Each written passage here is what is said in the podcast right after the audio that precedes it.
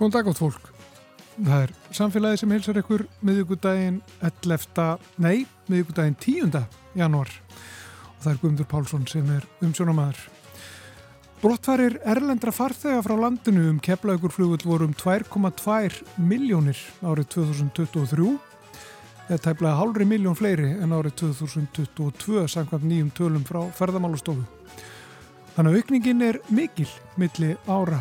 Og núna áðan kynnti svo ferðamálastofa spár um umfang ferðaþjónustunar á næstu árum og það stefnir í að árið 2024 verði met ár í fjölda ferðamanna. Jóhann Viðar Ívarsson, greinandi hjá ferðamálastofu, ætlar að segja okkur betur frá þessu hér á eftir.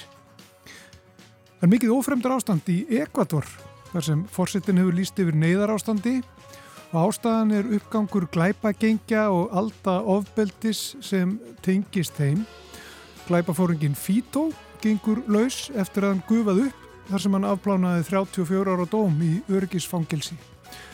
Ótur Þórðarsson, frettamæður, hefur fylgst með þessu máli. Hann ætlar að fara yfir það með okkur hérna á eftir. Við heyrum eina málfarsmínútu og svo kemur Edda Olgudóttir til okkar í vísindarspjall. En við byrjum á ferðaþjónustu eftir eitt lag.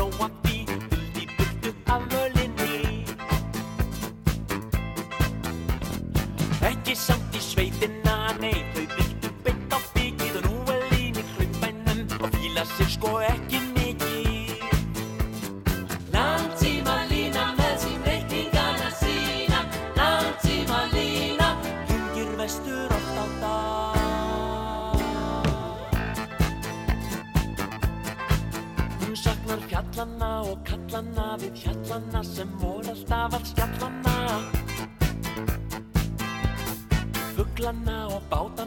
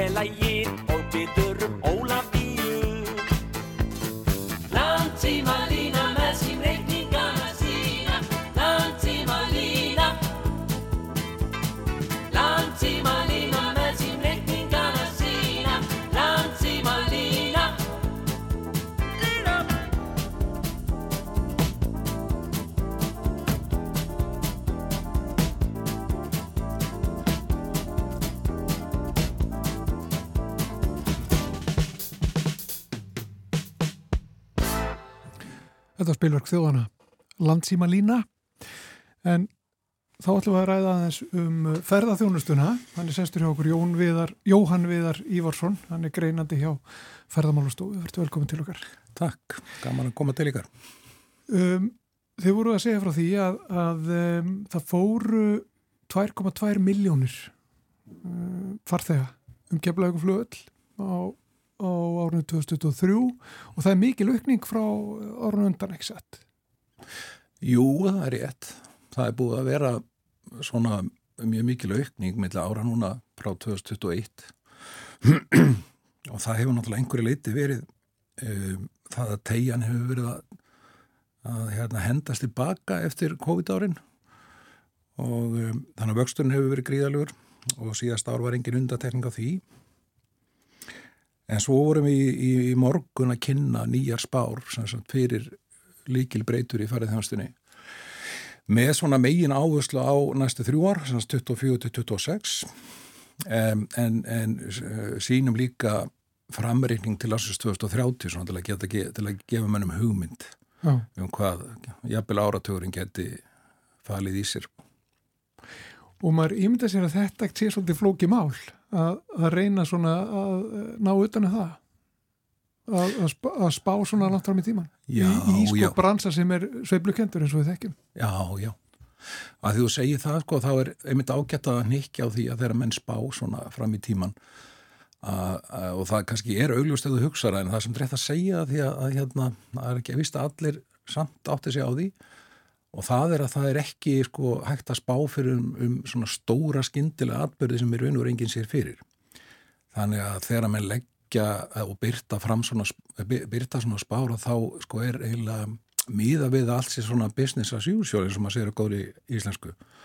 Árferði sér svona þokkalega venjulegt og, og hérna það kom engin stór áföll eða stórfælda breytingar. Mm. Og hverjar er nú helstu svona uh, niðurstöðunar ef maður getur nota það orð í ykkar spá í þessari spá núna fyrir næsta ár. Þú sagði mér Já. áðan sko það, er, það, er, það stefnir í meta ár þetta ár. Já spáinn okkar gerir á fyrir því að, að 2024 veði nýtt Íslands mets ár í, í fjöldaferðamanna fyrra fjöldamett var slegið 2017 en maður tala nú um þetta eins og keppni það er náttúrulega bara mest að segja strax það er ekki endilega sko víst að við erum alltaf að keppa það sem flestum ferðamönnum. En nú erum við að tala um fjöldan þannig að það er kannski alltaf að segja frá því að að 2017 toppa, toppum við okkur síðast. Nei fyrir ekki 2018 alltaf að segja toppum við okkur síðast. Og það var uh, síðan fór og sko Vá er átti svolítið góðan hlut í, í, í þeirri tölu það árið en svo fór vá á höfuðið í lok eh, marsminni mig 2019 þannig að, að fjöldiferðamanna var heldur minni það ár og svo kom COVID sko. Þannig að, en, en, en það semst, horfir þannig við okkur núna, við munum ná nýju Íslandsmyndi um, við segjum að það hefur komið um 2,2 miljónir í fyrra árun sem er nýliðið, að þá erum að spá því að það komi um 2 miljónir í 450 manns á þessari og sko fyrra metár sem sagt 2018 þá vorum við 2,3 ár svo maður nefnir nú tölunarinn en, en kannski nú aðalatrið þetta að, að viðsnúningurinn í ferðarþjónustunni hjá okkur sérstaklega eftir COVID þannig það mikill og hraður að við erum strax farin að tala um ný svona Íslasmett í þessu. Já sem er ótrúlega snögt. Já, er það ekki nefnilega, kom þá óvart hversu rætt það gekk fyrir sig? Já, ég held að það komið svona langt flestum óvart. Ég, ég hitt ekki marga í greininu sem að segjast að setja það fyrir. Mm -hmm. Ég held að menna að við haldum þetta að tækja lengri tíma og þetta er að koma uh, hraðar tilbaka hjá okkur heldur en almennt er að gerast eins og ef við hugsaum um okkur sem hluta, sem hluta af Európu að, að, að sagt, vöxturinn er meiri hér hjá okkur á, á klakanum heldur en almennt gerist á, á meilandinu og af hverju, já það er við erum alltaf mjög lítill afhangastæður þannig að við erum að maður segja svona innbyggðar hömlur, það getur vel verið að við höfum verið, verið með sko, umfram eftirspurni í allangan tíma en við hefum bara hægt og rólega verið að byggja upp frambóðið, aðstöðuna og flýið þannig að við getum heila að tekið við fleiri. E, Plús það að það er nú einhverjar svona vangaveltur um það að þetta óþverna stríð í Úgrænu að það íti ákveðnum hópi ferðamanna á norðurslóðri, þetta er Norrlandana sem að ella hefði farið eitthvað um meilanda Európu. Það getur líka verið skýring. Já, og ef við horfum aðeins lengra sko, því að spáinn, hún, eins og þú sagir, hún nærunni til 2030. Já það nú reyndar ekki eins langt til ársins 2030 og, og, og hérna, manni finnst stundum uh, þetta er nú ekki mörg ár. Þetta er örf ár. Já, er hvernig lítur þetta út uh, næstu árin svo miðað eitthvað spár? Já, það er kannski rétt að nefna líka uh, svona í okkar spjalli að það er fyrirtæki, ráðgjaf fyrirtæki sem heitir Intellecon sem að hefur unnið þetta fyrir okkur og maður verður nú að góðs að geta líka þannig að í, í þessu verkefni sem er búið að vera þróuna verkefni í, í, á þriði ár að þá útvistuðum við þessu óskuðumest eftir umsóknum um það að vinna svona spákerfi fyrir okkur hjá ferðarmálstofu en svo hefur Intellecon séðum verkið sko, þeir eru verktaki. Og þetta verður þá að geta þessi og við eh, sveit, berjum okkur ekki bara á brjóst hérna hjá ferðarmálstofu að, að þú spyr sko fram eftir áratugnum uh, þá sko svona aðal púðrið, mest af vinnan Eh, hjá Intellicon fór í það að, að, að skoða fósundir fyrir næstu þremur árum. Þannig að maður segja svona kannski mest er aukstuðningurinn og vinnan að baki þryggjara spánum. Og 2026 erum að gera það fyrir að, að farþegafjöldin eh, ferðamannafjöldin er orðin 2,7 miljónir og Ég segi það nú ekki hvort það eru 2,4 í ári eða 2,726, ég menna það veldur ekki einhverju miklum breytingum í álægi sko, þetta er ekki það stór munur. En að því þú spyrti 2030 að, að sko miða við svona framreikning sem að uh, við og, og þeir gera svo sem allan fyrirvar á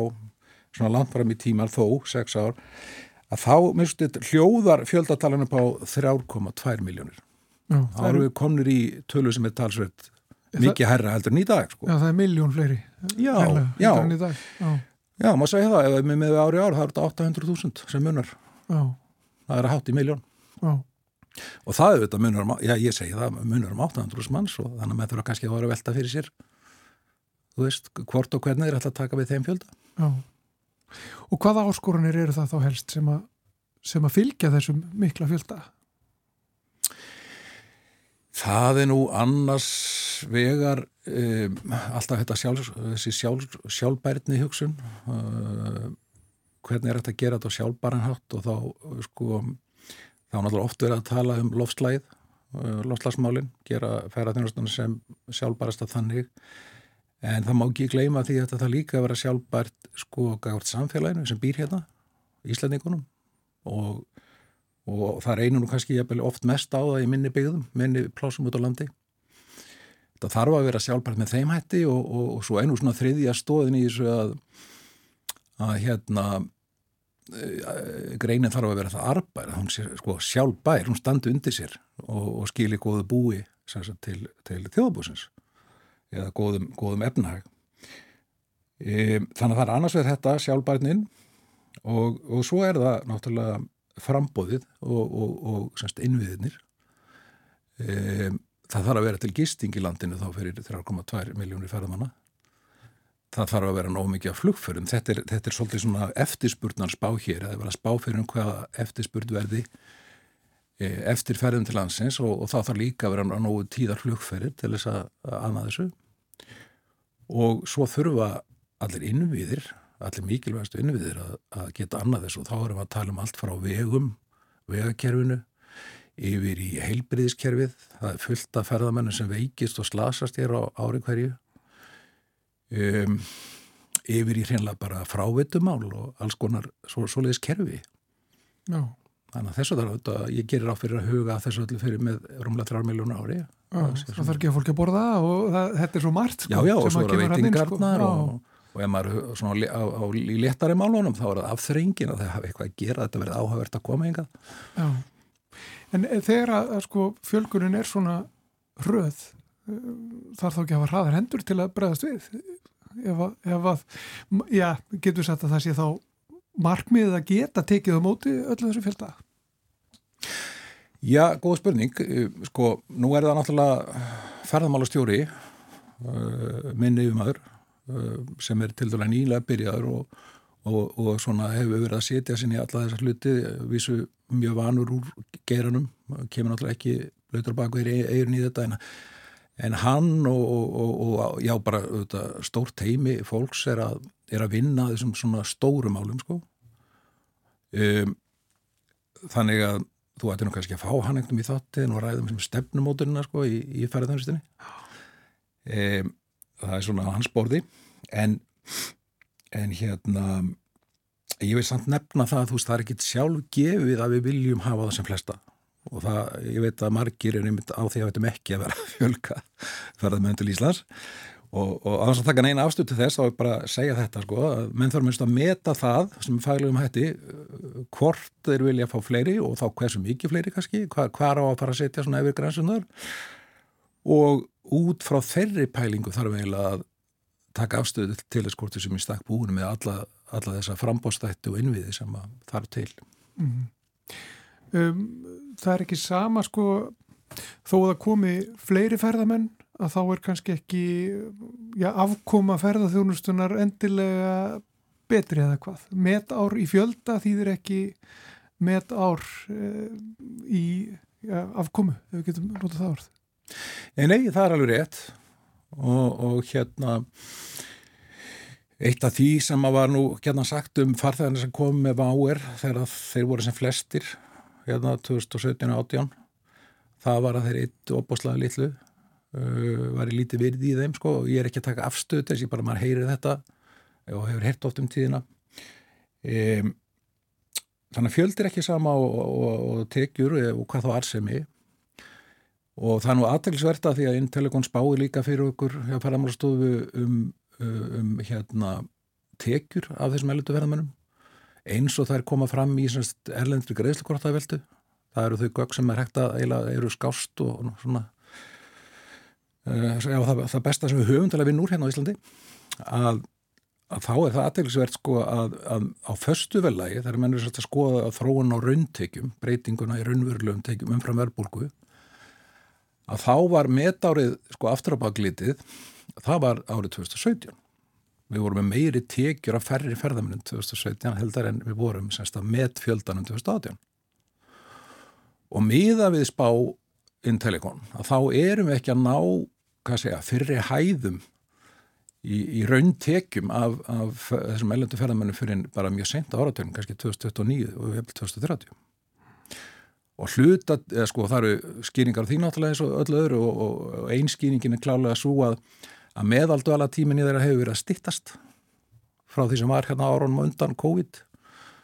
og stittri meðal tími því er einfallega þeirra að stittri tíma til að, eða peningurum sinum hjá okkur sko. Þannig að það er nú einn skýring á þessu en, en það, þetta mætti kanna líka betur hvort að hérna bæði hvort að þetta sé nú líklega til að vera Eh, reyndin og eins hvort að við sem samfélag eða stjórnvöld getur gert eitthvað eða, eða greinin sjálf getur gert eitthvað til að snúa því við sko, og, fá það til þess að velja lengur og eigða meiru. Mm -hmm. Ég veit ef, ef við tölum eins og gögnin hann á, á bakvið eh, hvaða gögn hafið þið úr hvaða gögnum hafið þið að, að vinna þegar þið eruð að greina svona eh, ferðarþjónustuna og, og umfangennar Já, það er nú gaman að spyrja því að, að það er alveg fastur punktur í greiningavinnu á Íslandi að, að menn dæsa og, og segja að það er ekki gögg til. Það er það er svona, maður öfundar oft kollega sína sem að vinna sko að meilandi Európu og er oft með, með sko miklu betri svona tímaserjur til að vinna úr og gögn. En við skulum ekki svona dvæl og mikið og, og hérna grunngögn í þessu eru alls konar, það eru tó til gögnum til að mynda sko gengi gjaldmila, gengi krónarkakvart helstu myndum í upprannalöndunum eh, hagvöxt eh, kreditkortaveldu þú veist, Intellicon er búið að skanna fjölda af leikil breytun sem við höfum þó góð gögnum til þess að átta að sjá hvað hefur mest áhrif síðan á niðurstöðuna sem að er kannski segjum ef við tölum um fjölda Um, að reyna átt að sjá því hvað hefur mest áhrif á hversu margir koma til landsins. Þannig að þetta er svona sett að menn má segja að menn hafi skannað það tölu sett sem að er í bóði hér á landi í þessu. Já, og svo er alltaf sko miða við e, ferðir um kemlagflöð, brottfarir frá landin Já, það er okkur nefnið það. Það er e, hérna grunnurinn er brottfarir frá uh, kemlaug að vísu takaði líka norræna með Já. hérna hjá Intelligon mm -hmm. að, að það munar að vísu, sko, það bara alltaf segja það að tekja með en, en, en það er ekki sá fjöldi hann skiptin einu máli, sko, svona, í, í þessu stóru tölusamhengi. En, en Norrann er með, aftur á móti eru skemmtifæraskipin, þau eru ekki inn í þessum tölum og sko nú er það þannig að heildar farþegafjöldi skemmti verið að skipa í, í fyrra uh, árið í fyrra var metár í skemmti verið að skipum en það hefur kannski séð ímsa fréttir um mm -hmm. útblástur og átráning í minni plássum eða ekki á Íslandi á semst annarsum undugum að um, þetta var algjört metár í fyrra við, og það voru rúmlega 300.000 farþegar með skemmtifæraskipunum síðan eru nú allar vísbendingar af það og, og sko hluti af því klárlega af því að, að árið í fyrra og það var svona stökk mill ára að það var svona mikil breyting og skindileg og, og skeldi þetta marga mannin að, að það var meðal hans aftur þetta stríð í Ukrænu þannig að mjög stór uh, skemmti ferð að skipa borg uh, sem er hérna Sandi Petersburg í Rúslandi, hún er lokaðist bara og umferðin færiðist, alveg eins og með flugfæriðana færiðist svolítið á norðuslóðir sko. að að við menn þekkja með skemmtifæraskipinu þá þekkja menn tölunan okkur öruglega fyrir næsta ár því að þessi skip þurfa að bóka jafnvel þrjú ár fram í tíman sko. Og það verðist vera við sem hafum náðu jafnbæði þar að segja það verður mjög svipaður mjög svipaður fjöldi á næsta ár líka. Þannig að við erum að gera ráð fyrir að þetta verið 300-310 kannski þúsund manns aftur með skipunum. Og, og, og svo tala er ekki inn í þessum spámokkar þannig að ef maður vill gera það getur maður bætt þarna ofan á þessar þessar hérna 2,2 það getur maður bætt við 300.000 skemmtifæraskipa, þá er komur upp í nefnir ekki 2,4 segi ég sem að vera með flugfæraðunum fyrir þetta ár að þá erum komur upp í þetta 2,7 til 2,8 miljónir oh. með þeim sem er náttúrulega áhaveru vingil sko að, að það er svolítið viðbót af, þeim oh. Þá eru það að nálgast þér ár miljónir Já oh. Ári En þessi gögn líka núna fyrir, þessi, þessar spár líka núna fyrir og þær eru vantalega gott veganesti inn í það að einmitt uh, setja stefnur og uh, já, svona,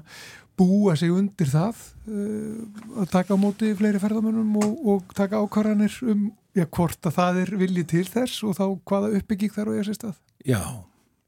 það er svona megin tilgangurinn sko með þessari vinnu,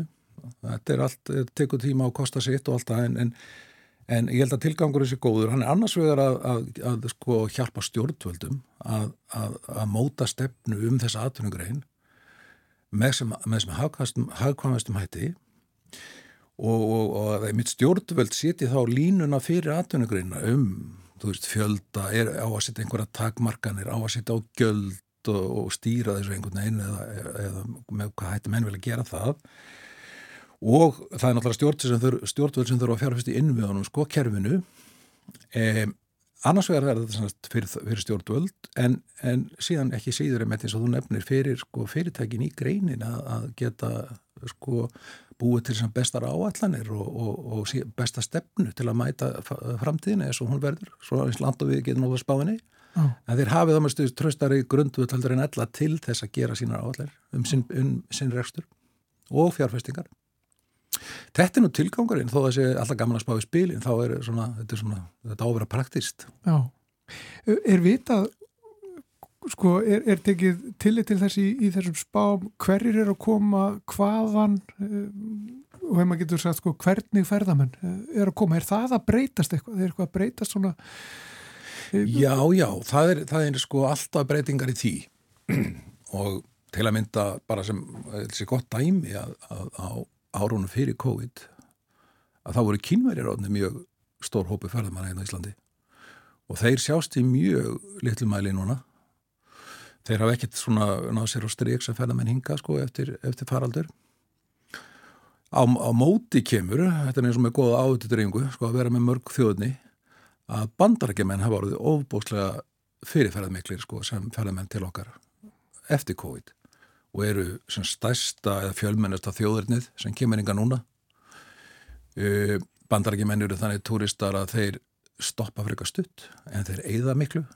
á dag, þeir eru spenders, big spenders eins og þetta eru í Ameríku. Og, og þetta er alltaf að breytast en, en sko en það er rosalega erfitt að spá um hvernig samsetningin muni breytast á þjóðurðunum sko Þannig að, að hérna, það er ekki hlut að þessari spágerð að, að segja til um að það verið veist, þetta hlut falla kínverjum eða bandarækjumannum eftir árið 2030. Sko. mm -hmm. við tökum meira svona blönduna eins og hún er bara nákvæmlega veginn á síðustu missurum Já. í grunninn og þetta miðast við eins og þú segir óbreytt ástand þú geta komið upp náttúrulega alls konar aðstæður eins og við þekkjum sem, að, sem breyta þessum spám og breyta myndinni Já, já, já, já, já og öruglega gerir sko eitthvað merkilegt sko sem að mun breyta myndinni. Það er oft sagt um áallan að gerð og spár og ekki bara í þessu höldur öllu að eina sem sé örutum spánar síðan það er sér vittlusar þar sem það verður ekki veruleikin en, en það verður ekki verri fyrir það sem, sem stefnumótunar áallan að gera tól sko. Einmitt, einmitt. Gaman að fá því heimsókn Jóhann Viðar Ívarsson greinandi hjá ferðamálastofu. Takk fyrir komuna í samfélagið. Mm, takk sem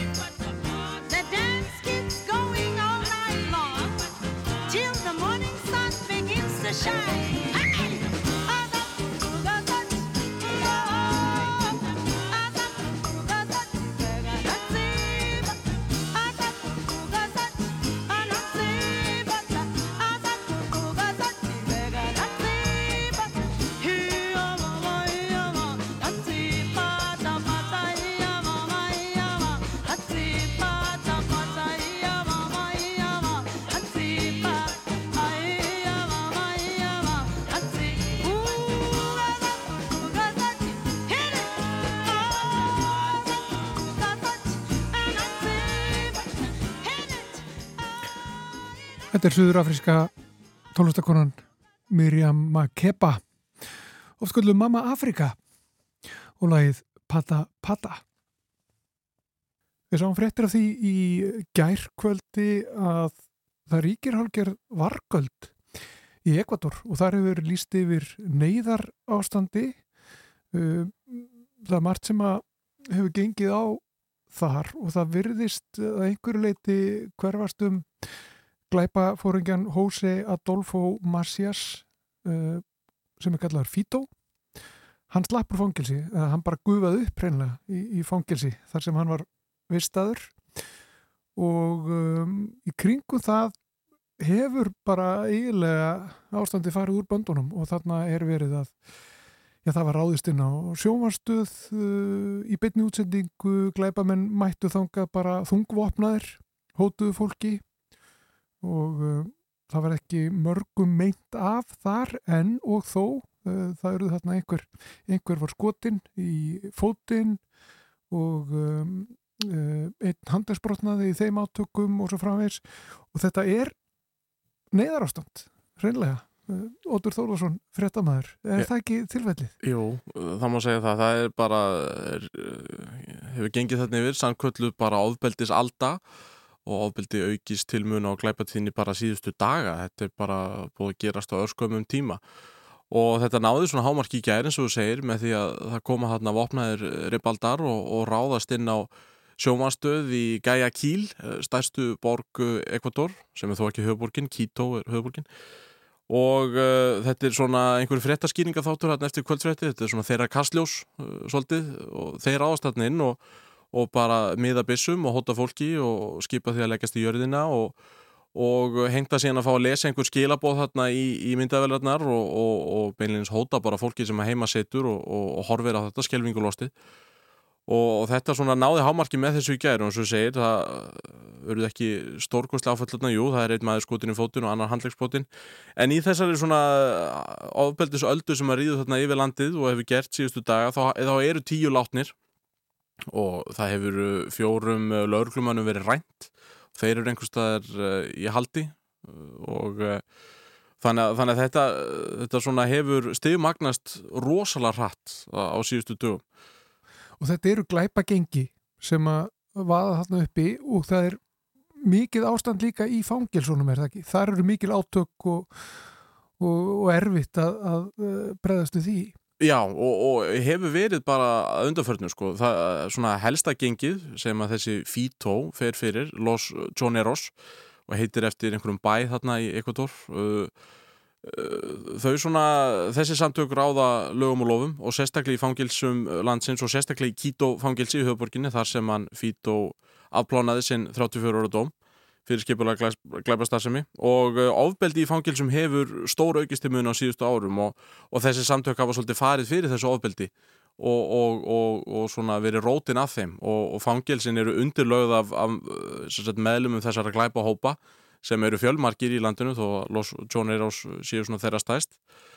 og uh, fangarnir eiginlega bara stjórna þessum fangilsum og yfirvöld bara fá ekki raundu reist og, og, og bara ástandið er komið algjörlega út úr böndunum. Og það hafa bæði fangaverður og lauruglumenn og herrmenn og fangar látist í átökum síðustu ár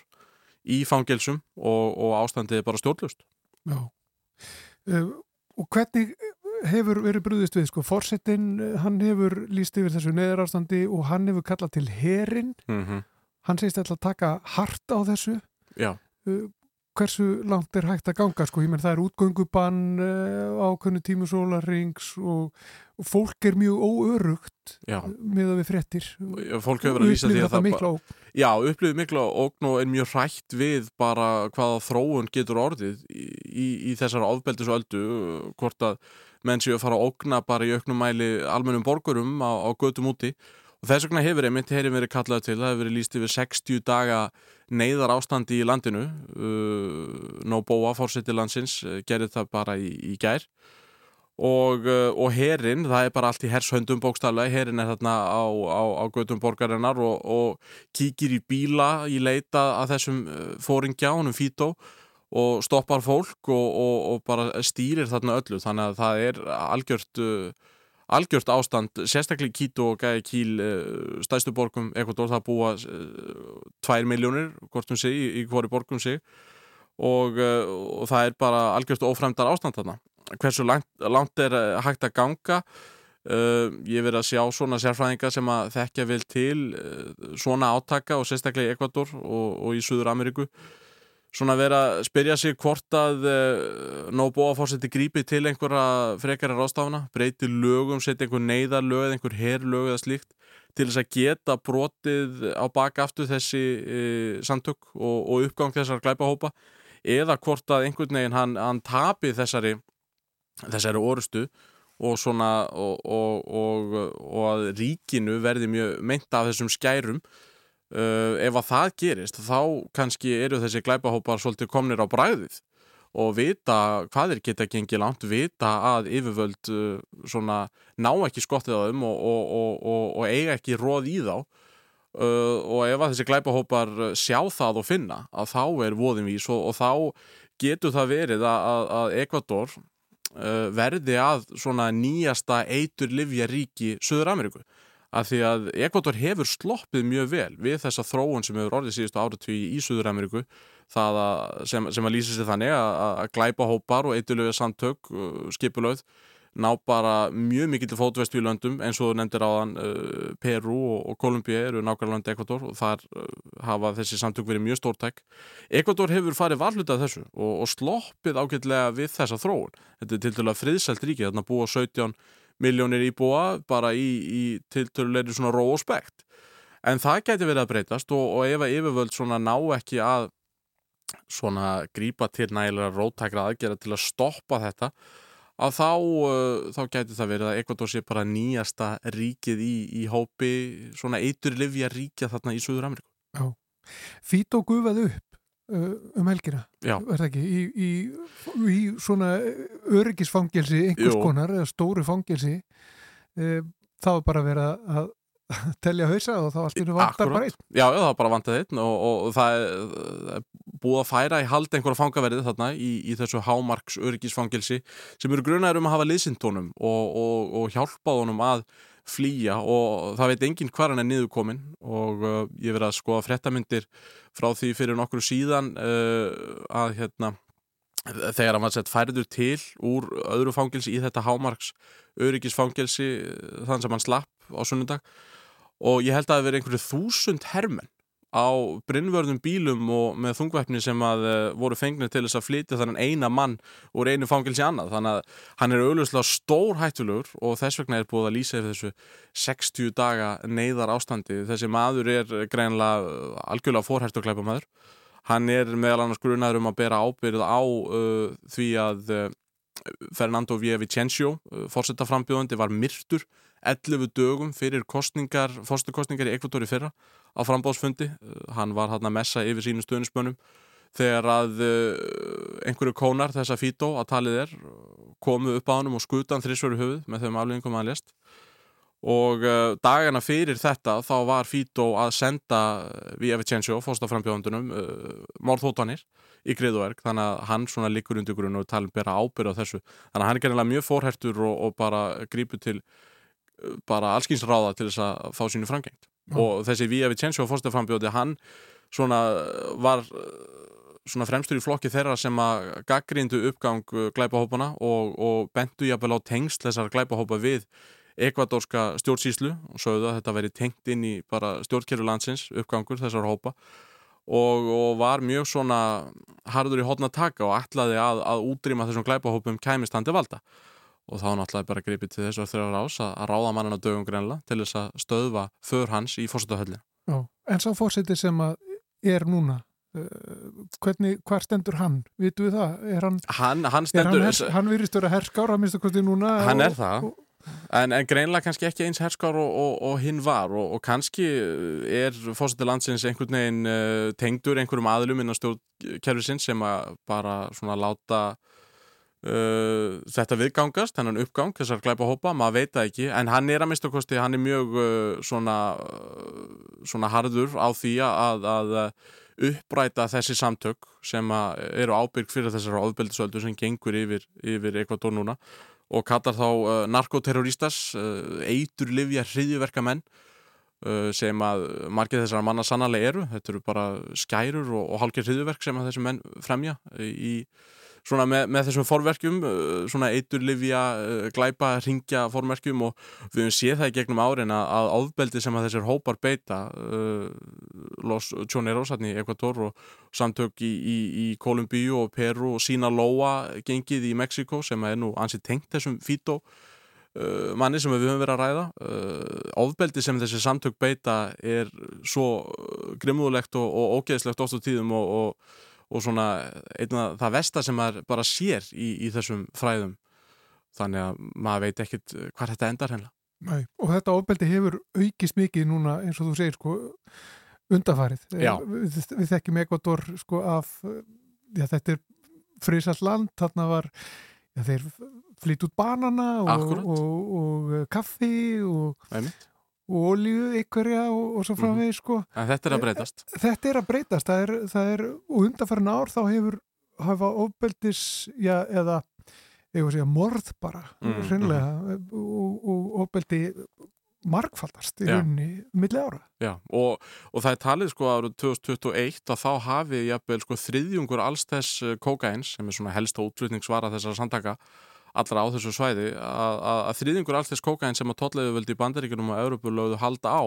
hafi verið frá Ekvator sem var þá nýlunda og, og, og, og magnið hafði vist markfaldast milli ára og samlega þessu þá náttúrulega markfaldast líka mordtíðni og ofbildistíðni sem er eh, svona með því hæsta sem gerist í heiminum held ég á þessu svæði, bæði miða Ameríku og þarna nýrst í, í Suður Ameríku. Er fólk eh, að flýja þessi átök?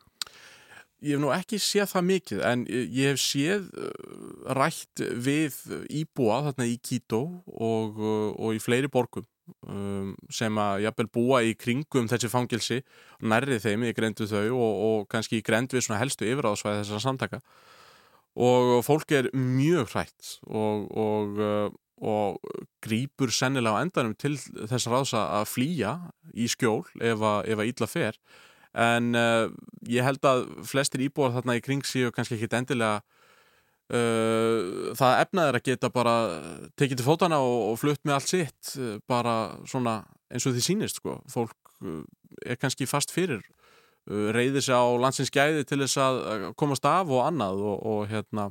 að því að velmögin í Ekvator er ekki eins og við þekkjum á Vesturlundum, það er ekki eins og auðvelt að bara eins og segja, taka allt sitt og, og flýja bara svona átök þó svo að fólk kannski vildi það uh, en, en ef að þetta stefmagnast áfram þá held ég að það sé bara einn sínd að fólk verður einhvern veginn að flýja og komast í öruð skjól Já. En núna þá er sem sagt við sáum nú í, í frettum í gerð, þá er verið að stoppa bíla þá er verið að mhm. kíkja, kíkja inn í þá, leita að, að fító Já það er enn verið að baka hurðir og, og leita að honum. Já, hvar, sem, hvar sem er í raunni Já, og, og, og ég held að það sé ekkert auðvelt að leita að fólki í Ekvator þetta er hérna nýrst í, í Andes fjallgarunum sem að tegi sig hérna eftir allri vestuströnd Suður-Ameríku. Uh, þetta er fjallend land og það er ekkert auðvelt að komast þetta nefnir og ég held að þetta sé svona, svona uh, kjörið land til þess að vera strókvifangi í og sérstaklega út valda mikill eins og Fító uh, ég held að það sé auðvelt að komast undan lauruglu og fela sig þarna. En ég held að líka að sé allt uh, kapplagt á það að finna þennan mann eins fljótt og auðvið er og, og ef þú finnur höfuð þessara samtaka uh, heldur laurugluna þá, þá er hægt að einhvern veginn að draga úr áhrifum hans uh, á, á undirmenn sína uh, og, og þannig einhvern veginn að stoppa ofbeldið. Þannig ég held að já að það verði áframhald á því að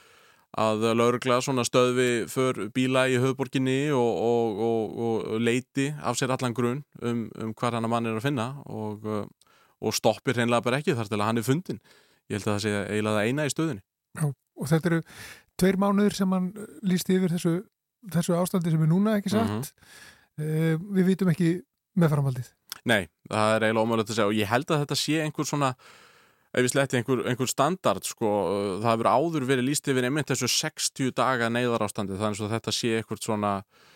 uh, eitthvað sem að gripið er oft til sko, og, og, og að 60 dögum liðnum og þá veitum við ekkert hvað verður búið að gerast. Uh, kannski verður ofbildið búið að stegmagnast kannski verður að setja einhver herrlög í landinu eitthvað svo les, en allavega næstu 60 daga þá verður sannlega bara útgöngubán á kvöldin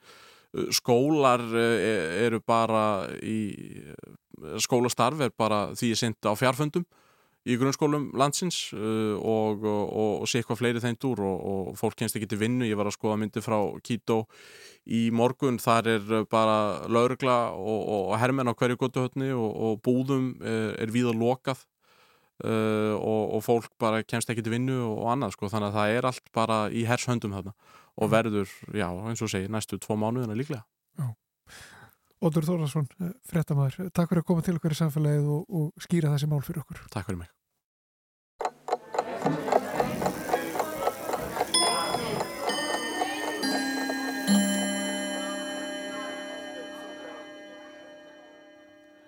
Á þessum tímapunkti legg ég til að tímapunkturinn fái frí. Hann hefur verið mjög ábyrrandi í töluð og rituðu máli undan farin misseri. Hann hefur að segja má ítt til hliðar fjöldanum öllum af góðum orðum sem gegna sama hlutverki. Það er að segja til um nákvæman tíma þess sem eitthvað gerist. Áður en tímapunkturinn varð allsráðandi var oft sagt á þessari stundu eða á sömu stundu, á þessu eða sama augnabliki og andartaki, í þeirri andrá eða sömu andrá, í sama vetfangi, þeim svifum eða í sömu svifum, svo dæmi séu tekinn. Svo má líka orða þetta með einfaldari hætti og segja bara um leið ef það nota einfallega aðtjóksorðið þá. Það er full ástæði til að leifa þessum gömlu aðferðum til að tjá nákvæma stund að lifa áfram.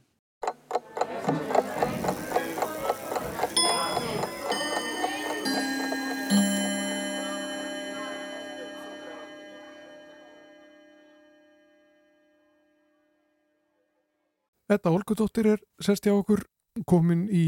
sitt vísindarspjall, verður velkomin til okkar þetta. Takk fyrir. Hvað býður okkur upp á í dag? Herðu, nú ætlum ég að tala um örveruflóruna uh, og við hefum rosalega oft talað um örveruflóruna af því að það er hérna svona vaksandi geiri uh, en í þetta skipti ætla ég að tala um örveruflóru plantna vegna þess að það er náttúrulega hérna, við búum yfir ákveðinu örveruflóru og hún er, bakteríur eru allstaða sko, það eru á okkur og í þörmunum og þær eru allstaða sko. Og hérna Ég held að með þessari vakningu sko, þessum hérna, rannsóknum á örfuruflórunni þar sem við erum að sjá hvað hún hefur mikil áhrif á okkur, bara okkar heilsu og bara skapgerð, jáfnveg líka, að þá er kannski svona almanna álitið á bakterjum aðeins að batna af því það er náttúrulega bara þannig að hérna síklar, þar að segja bakteríur eða örveru sem að, síkja okkur, þær eru bara opbosla lítið brot af örveru flórunni og, hérna, og það sem að veldur því að við verðum veik er þá annarkvort að við erum með eitthvað síkjandi bakteríu eða þá að það er bara eitthvað ójabægi í örveruflórunni. Og það sama á við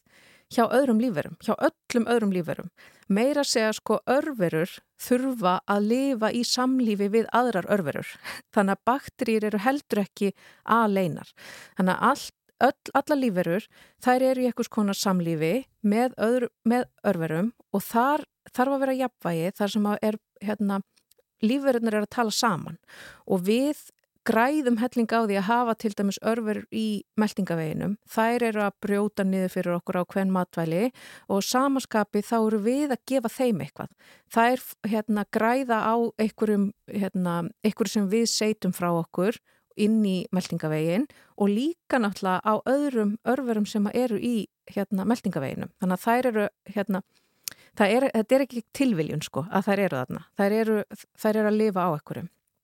og plöntur, þær þurfa líka örverum að halda til þess að brjóta vernda sig akkvært öðrum líferum eða eitthvað slíkt og þær, þeirra örveruflóra er náttúrulega kannski aðeins öðruvísi uppbyggð heldur en okkar vegna þess að þær er ekki beint með meldingarveg. Þær eru ekki með þessa örveruflóru sem við erum svo ofta að vísa í þar, þar sem við erum að tala um örveruflóru meldingarvegsins og þar sá svo örveruflóra, við höfum ótrúlega mikil áhrif á þá örveruflóru bara með því við, hvað við borðum. Þannig getur við svona svolítið stjórnaði hvort við erum með góða að slæma örveruflóru á meðan að plöndur beita kannski aðeins öðruvísi aðferðum eða kannski er það bara hérna, aðferði sem við beitum líka, svo bara beitum við aukalega þessum með mataræði, að plöndurnar þær geta verið að tjá einhver gen til þess að búa til efni, til þess að viðhalda einhver í örveruflórum. Og núna í, hérna, ætla að það ekki verið í síðasta mánuði, að þá var hérna rannsóknarhópur við University of Southampton að byrta grein þar sem að þau eru að skoða örfuruflóru hrísgrjónaplöntunar og það sem að þau eru að gera er í raun og veru bara kortleggja í fyrsta lagi takaðu bara sín, ég man ekki hvort þetta voru 11 mismunandi e, hrísgrjónaplöntutegundir þar sem þau taka síni og þau eru að skoða sko örfuruflóruna í rótunum og líka hérna, því sem er fyrir ofan yfirborðið, þú veist, í, í hérna, blöðunum og, og allstaðar á plöntunni vegna þess að þær eru allstaðar bakterjur, það er ekki tægt að sleppa undan þeim. Og þar hérna raðgreina þau og sjá bara hvernig örfuruflóran er samsett. Og hérna hvað er mikið að hverju tegund, hvað tegundir eru þarna og, og svo framvegs og svo til þess að sko fá kannski aðeins meira kjött á beinin að þá eru þau líka að skoða e, tjáninguna og erðarsamsetninguna hjá plöntunum. Og þau nota aðferð sem að heitir hérna það skamstafa G2FAS og stendur fyrir Genome Wide Association Study. Og það þýðir í raun og veru að þau eru bara með svona nokkus konar fingraför á erðaefninu sem þau toga í til að sjá hvaða hérna, af hvaða genum er mest af. Af því að það er náttúrulega hérna hvað gen eru tengd við ákveðna uh, örveruflóru samsetningu? Og þá er það að skoða sko hvaða svæði eru í miklu magni þegar þessar bakterjur eru til staðar og svo framvegs og þetta er náttúrulega rosalega flóki og það er að hafa svolítið hérna góðan hugbúna til að reikna þetta út af því það er svolítið erfitt að gera þetta bara á pappir sko. Og þau eru hérna tengja þetta svona saman og þá sjá þau að þegar að það er mikil tjáning á uh, efni sem er eiginlega svona millistig eða hliðar afurð af því að búa til lí, hérna, líknín líknín er sem sagt byggingar efni í frumuvegg plöntunar og það er til dæmis það sem að, að gefur æðakerfin í plöntunni svona, ef að segja bara styrkin, þannig að er verða svona hérna, sterkar og ná að toga upp vatnið úr jarðeginum og líknin er ógisla flókið efni og það, það tekur plöntuna mjög mörg skref að búa þetta til. Og út úr hérna í hverju skrefi þá getur orðið til hlýðarafurðir eða bara milliafurðir. Og eina þessum afurðum er, hérna heitir fjórir HCA sem stendur fyrir fjórir hydroxycinnamic acid og hérna skiptir svo smekki máli hvað hún heitir vegna að þetta er bara eitt af þeim efnum sem að verða til. Og ef það er hérna mikið af þessu efni, ef að, ef að hérna, plantan tjáir mikið af því eða með mörgin sem býr þetta til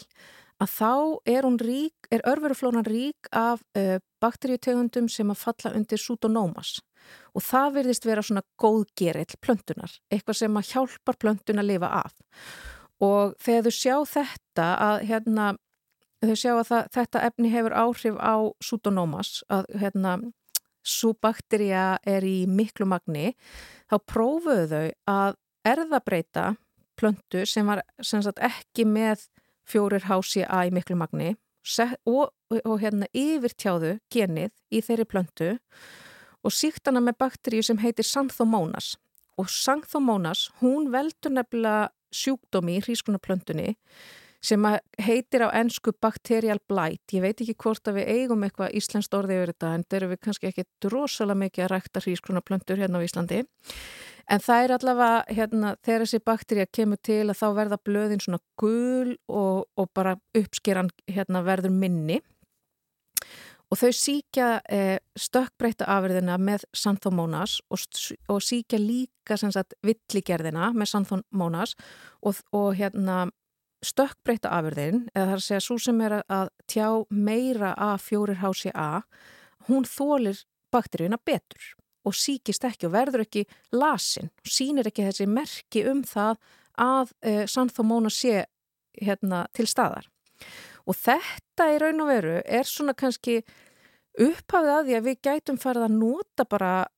örveruflóru plantnana til þess að sko hjálpa okkur að, að auka afurðir plantnana og í staðin fyrir að vera alltaf að eitra og hérna menga þá í raun og veru að þá getur við verið að, að toga svolítið í spotta í hérna örveruflórunni í þeirra náttúrulega ferli. Er það þá alltaf þannig að það þarf að erðabreyta plöntunum til að ná þessu fram? Um, kannski ekki, kannski má líka bara nota það afbreyði sem að tjáir uh, hendugastu efnin og hérna vegna þess að plöntunar eru náttúrulega, það eru til mörg afbreyði af hrískrunarplöntunni og það er hægt að velja kannski bara uh, þá plöntu sem að, að hérna sem að tjáir mest af, af góða efninu og, og jafnvel ægslaðum saman. Svo er, svo er náttúrulega líka sko að því erðabreitingar eru svolítið svona hérna erfiðar fyrir marga, veist, hún, það hefur, þær hafa ákveðin neikvæðan stimpil, en erðabreitingar geta verið sko í viðtæku samhengi, þá getur það verið erðabreiting að ægsla saman ákveðnum tegundum af hrísgrónaplöntum til þess að toga í ákveðin eiginleika. Munurinn á því kannski að gera það þannig að erðabreita með því að ægsla saman og, og reyna að toga upp Uh, eða erðabreita á rannsóknastofu bara þar sem hún tekur ákveði gen og klippur það út og setur nýtt inn að svo erðabreiting hún er miklu nákvæmari og þú veist nákvæmlega hvað þú ert að gera þegar þú hérna gerir þessa eh, klikkuðu vísindamanns tilraun mm -hmm. ef maður á að segja þannig vegna þess að þegar við erum að ægsla saman plöntum og reyna að toga ykkur eiginleika þá vitum við aldrei alveg í hvaða aðra eiginleika við erum að toga og það hérna sýnir sig, svo ég svona aðeins tengi þetta kannski við eitthvað sem við þekkjum að það sýnir sig til dæmis bara í hundaræktun eða bara dýraræktun að hérna, við erum búin að vera að toga í alls konar eiginleika sem okkur þykja góðir og um leið þá erum við kannski að toga í ákveðna eiginleika sem eru bara mjög neikvæðir fyrir dýrin mm -hmm. og við sjáum það til dæmis bara í hundaræktun þar sem að, að sumar tegundir kannski get ekki ekslast eða get ekki fjölga sér vegna þess að við erum búin að toga svo mikið í eitthvað sem að okkur þykir svo æðislegt. Mm -hmm. Þannig að, að þó að erðabreitingar hafi þennan neikvæða stimpil þá geta þær samt sem áður verið af hennu góða og það er, það er hægt að nota þær á jákvæðan hátt og, og persónulega finnst mér þær mun jákvæðari heldur en margt annað sem við erum að gera. Já, einmitt. Við förum ekki kannski neitt djúft í það í, í þessu samtali. Eh, bara rétt í lokin að því að við uh, tilherum uh, ákveðinni tegund lífera ég og þú og allir hlustendur eh, samfélagsins og við erum mjög sjálfmiðu tegund þannig að ég, það er spurningin er sko, er þetta eitthvað sem er hægt að hænýta fyrir okkur mannfólki? Já, það er nefnilega, það er akkurat málið að við getum hagnýtt þetta til þess að, að hérna og þá sérstaklega kannski fyrir hrískróna bændur mm -hmm. sem eru þá ekki að fara að verða fyrir óvæntum skakkaföllum af öllum bakteríusíkinga. Ef, ef okkur tekst til dæmis að besta örveru flóru eh, hrísgrunaplantnana til dæmis með þessum tilteknu genum sem eru líst í þessari, þessari rannsókn, þá gæti það hjálpað hrísgrunabændum að fá uppskeru sem að annars hefði mögulega brostið. Uh, hafandi sagt það, þá er þetta náttúrulega mjög flókið. Örveruflóran er ekki bara tvær tegundir. Hún er, hérna, telur miljón tegundir og það þarf líka að skoða sko hva, á hvaða aðrar örverur eru að hafa áhrif og þannig að það, við erum ekki komin á þann stað að við getum farið að besta örveruflóruna en við erum allavega komin á þann stað að við getum byrjað að skoða hana Já,